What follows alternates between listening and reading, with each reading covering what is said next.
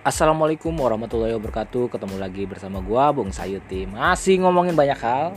Uh, Sempet nggak ngerekam. Hari ini mulai ngobrol lagi Mulai ngomongin banyak hal. Gua mau apa ya Mau bicara tentang apa yang gue pelajari baru-baru ini. Uh, Jadi kalau lu ngikutin apa namanya uh, gue lagi konsen tentang bagaimana uh, mencari formulasi yang tepat buat menabung khususnya buat gue diri gue sendiri. Nah gue baca uh, sebuah bukan baca sih mengikuti sebuah kursus tentang manajemen keuangan pribadi. Itu menarik di sana bahwasanya eh, sering kali kita menabung itu kita tuh nggak nggak punya tujuan gitu. Nggak punya tujuan yang spesifik gitu. Tujuan jangka panjang juga tujuan jangka pendek gitu. Tujuan jangka pendek itu apa aja tujuan jangka panjang itu seperti apa aja. Nah dari sana tuh e, ternyata e, ada beberapa strategi yang berbeda untuk menabung lah ya misalnya kalau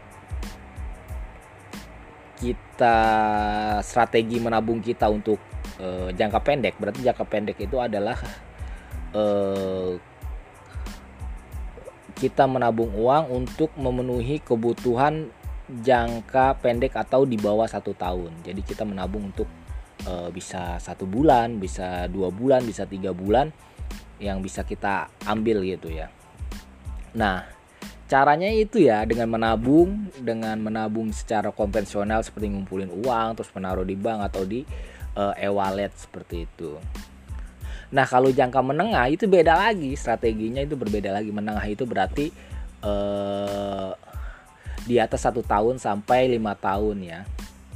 Strateginya juga ada lagi yang berbeda yang bisa kita terapkan. Misalnya menabung emas menabung uh, uh, reksadana atau uh, yang nggak nggak nggak bisa langsung mudah di compare di compare ke uang gitu ya.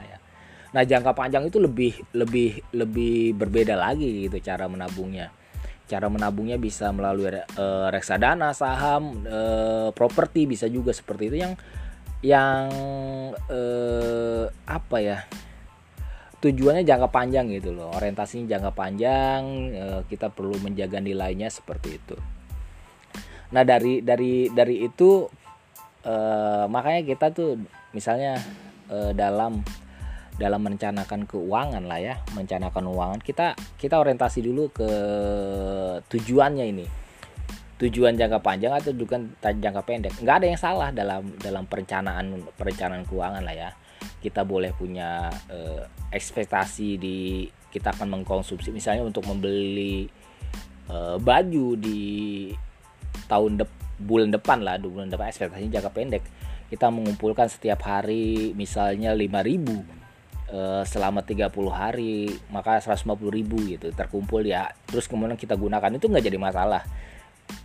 Selama kita punya tujuan seperti itu. Yang yang yang salah adalah kita tuh nggak punya uh, tujuan apa apa gitu loh menabung makanya kita sering kali uh, menyimpan terus mengambil tanpa ada apa ya tanpa ada uh, ya yes, gampangnya gitu. Secara gampang kita mengambil uang yang kita tabung gitu kemudian kita menyesal seperti nah makanya uh, semua itu sekarang ya misalnya gua udah mulai coba memformulasikan dulu memformulasikan uh, rencana keuangan gue dengan tujuan. Tujuannya apa nih?